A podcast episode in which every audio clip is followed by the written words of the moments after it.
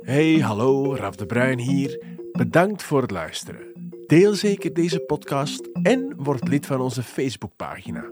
Op die pagina kan u vragen stellen, voorstellen doen en zelfs feedback geven. Want alleen via dialoog blijft de kwaliteit hoog. Hey, dat rijmt. dat rijmt. Even opschrijven. Kent u de definitie van het woord mens? Wel, Wikipedia omschrijft mensen, Homo sapiens, als intelligente primaten die gekenmerkt worden door hun rechtopstaande houding en tweevoetige voortbeweging, hun fijne motoriek, gebruik van werktuigen, hun complex taalgebruik en geavanceerde en zeer georganiseerde samenlevingen. En toch loopt het soms mis. En lijkt die Homo sapiens helemaal niet meer zo sapiens.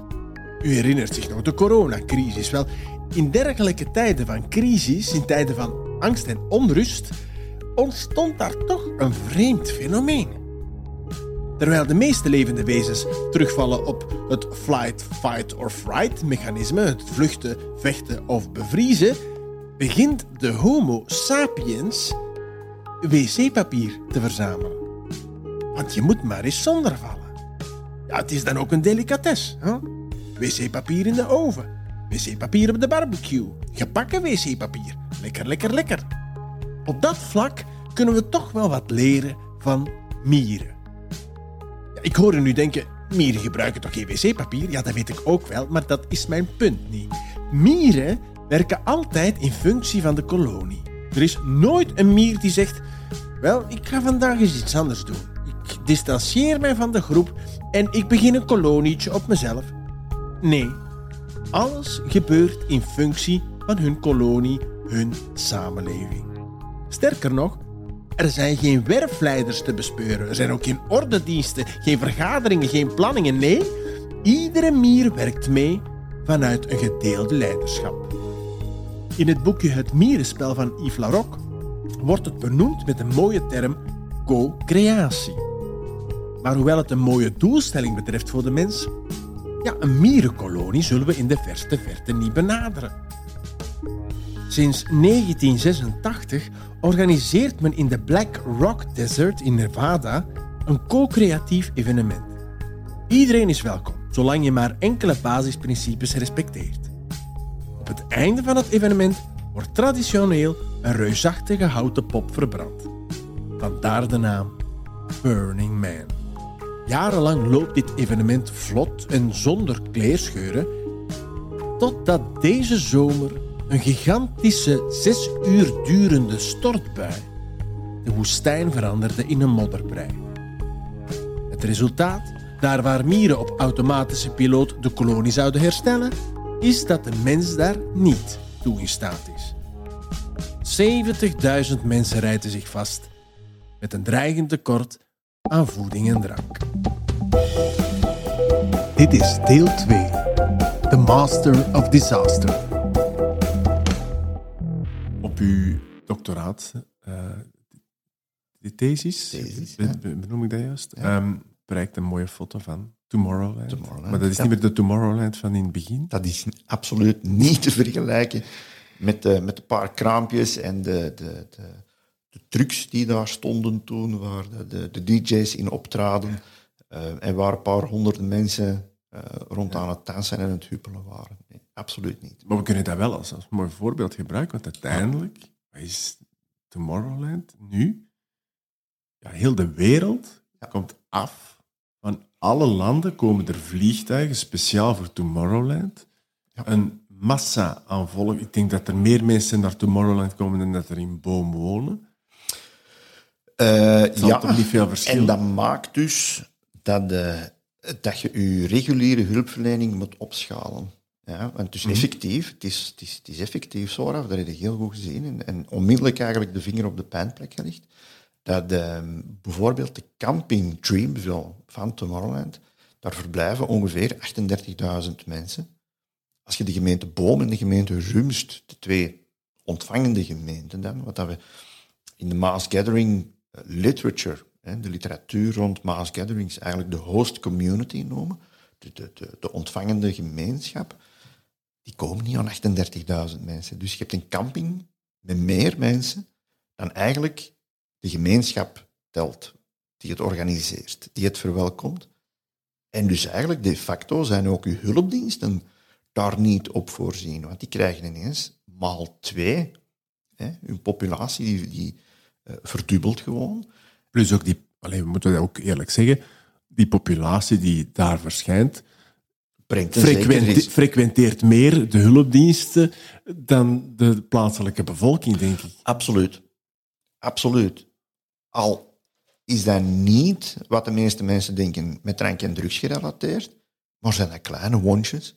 Zijn dat, is dat de hoofdpijn? Is dat acclimatiseren? Is dat, zijn dat maag- en darmklachten?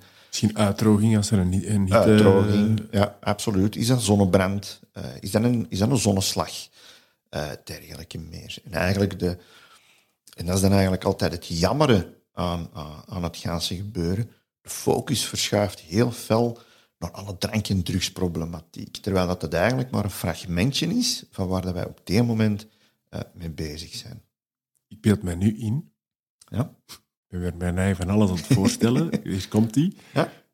Chris Papen en alle andere organisatoren en, en preventieadviseurs ja. en zo rond een tafel zoals de deze, ja. met een platte grond en dan ja. pionnetjes plaatsen. Ja. Is dat zo? Dat komt redelijk dicht bij de realiteit. Ja. Alle geluk uh, is dat niet meer elk jaar dat we dat moeten doen, maar kunnen we eigenlijk de plannen die we, uh, die we al vele jaren gebruiken, kunnen we die meestal wel in grote lijnen hergebruiken. Er verschuift al wel eens wat. Uh, nu, op het, uh, op het festivalterrein, de meeste stages, hè, de meeste uh, plaatsen eigenlijk, die, die blijven wel. Dus meestal kunnen we onze hulpverleningsposten wel houden waar dat ze staan. maar op de camping, ja, daar worden al wel eens tenten verschoven, komen activiteiten bij en dan moeten wij ook daar, ook daar, ook op anticiperen. En bijvoorbeeld onze hulppost iets meer noordelijker zetten, iets meer zuidelijker. Um, en dus eigenlijk ook onze diensten daar zo wat op, op regelen. Maar goed, we zijn daar ruim op tijd bij. Uh, en ongeveer januari, februari beginnen die eerste vergaderingen uh, binnen de gemeentelijke veiligheidscel. En iedereen kent iedereen eraf. Allee, bedoel, de brandweerofficieren, dat zijn dezelfde van vorig jaar. Uh, je zit met dezelfde politiecommissarissen aan tafel. dezelfde mensen van de stadsdiensten. de organisatie ook. Um, en die samenwerking met de organisatie, dat gebeurt heel ja, haast vriendschappelijk. Hè. Bon, er is ook professionele samenwerking, uiteraard. Mm. Maar er wordt ook gewoon heel veel belang gehecht aan het persoonlijke. Uh, en, en iedereen kent iedereen. En, en uh, dat maakt het ook zo leuk om daar dan samen te werken. En, en dat maakt ook bijvoorbeeld, wanneer er dan ook effectief iets misgaat tijdens het event, ja, dan is dat ook maar een blik naar elkaar en ja, we regelen dat. Is dat soms ook niet frustrerend dan bijvoorbeeld wat dat de media dan allemaal schrijft? Ik weet nu bijvoorbeeld met Tomorrowland dat er dan die nadruk op gelegd. Oké, okay, er zijn twee doden gevallen. Dat is natuurlijk vreselijk voor die mensen, zeker Uiteraard, de ook. Hey, hey, maar, maar dan die nadruk op de, het, het drugsgebruik, precies, dat is de eerste keer dat, dat daar... Ik keur dat allemaal niet goed, hè, maar jullie steken dan nee. enorm veel moeite en werk voor de veiligheid van die duizenden mensen. En dan komt de media belichten dat er een paar tientallen um, op de spoed komen wegens een overdosis of wat dan ook, ja, dan denk je toch... Dat is verschrikkelijk frustrerend. Ja, absoluut. Nu, er is volgens mij nog wel een, uh, een klein aspect waar je gefrustreerd rond kunt zijn.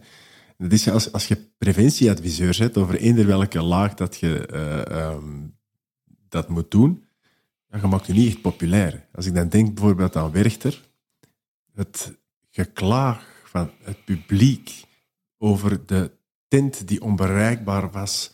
Terwijl dat ik denk, ik denk dat je ermee achter hebt gestaan, um, ja, dat toch wel voor hun veiligheid is.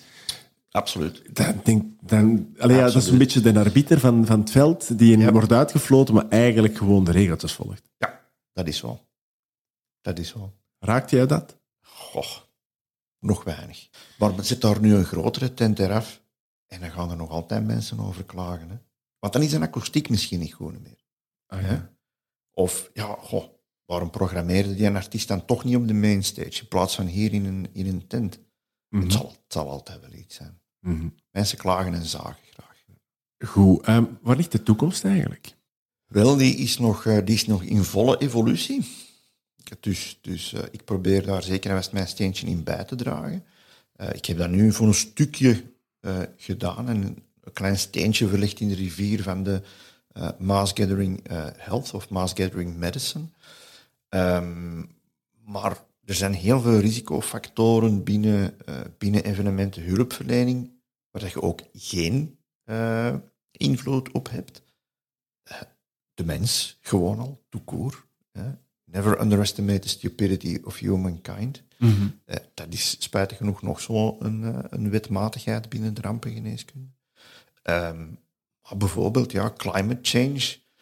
Als je ziet naar de, naar de recente gebeurtenissen op Burning Man in de woestijn in Nevada, in Amerika. Ineens begint het daar een stortvloed te regenen.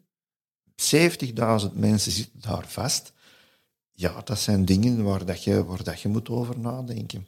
En ook dat hebben we al in zeer kleine mate voorgaat eh, op Tomorrowland, waarbij toen we s'nachts mee samen met de brandweer en de politie en andere hulpverleners eh, gewoon met de, met, de, met de schub greppeltjes aan het graven hebben geweest, daar in de kleigronden om proberen toch onze camping niet laten weg te stromen, ook na een lokale zondvloed.